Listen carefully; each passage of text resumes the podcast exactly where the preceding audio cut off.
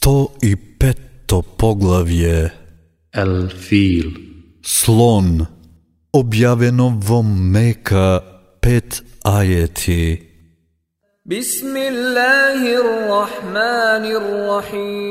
Во името на Аллах, семилосниот, милостивиот. Зарем не си слушнал со собствениците на слонот, господарот твој што стори?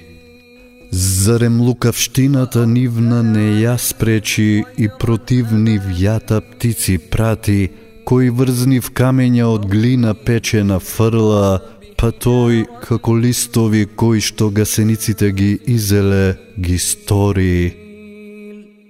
فجعلهم كعصف مأكول.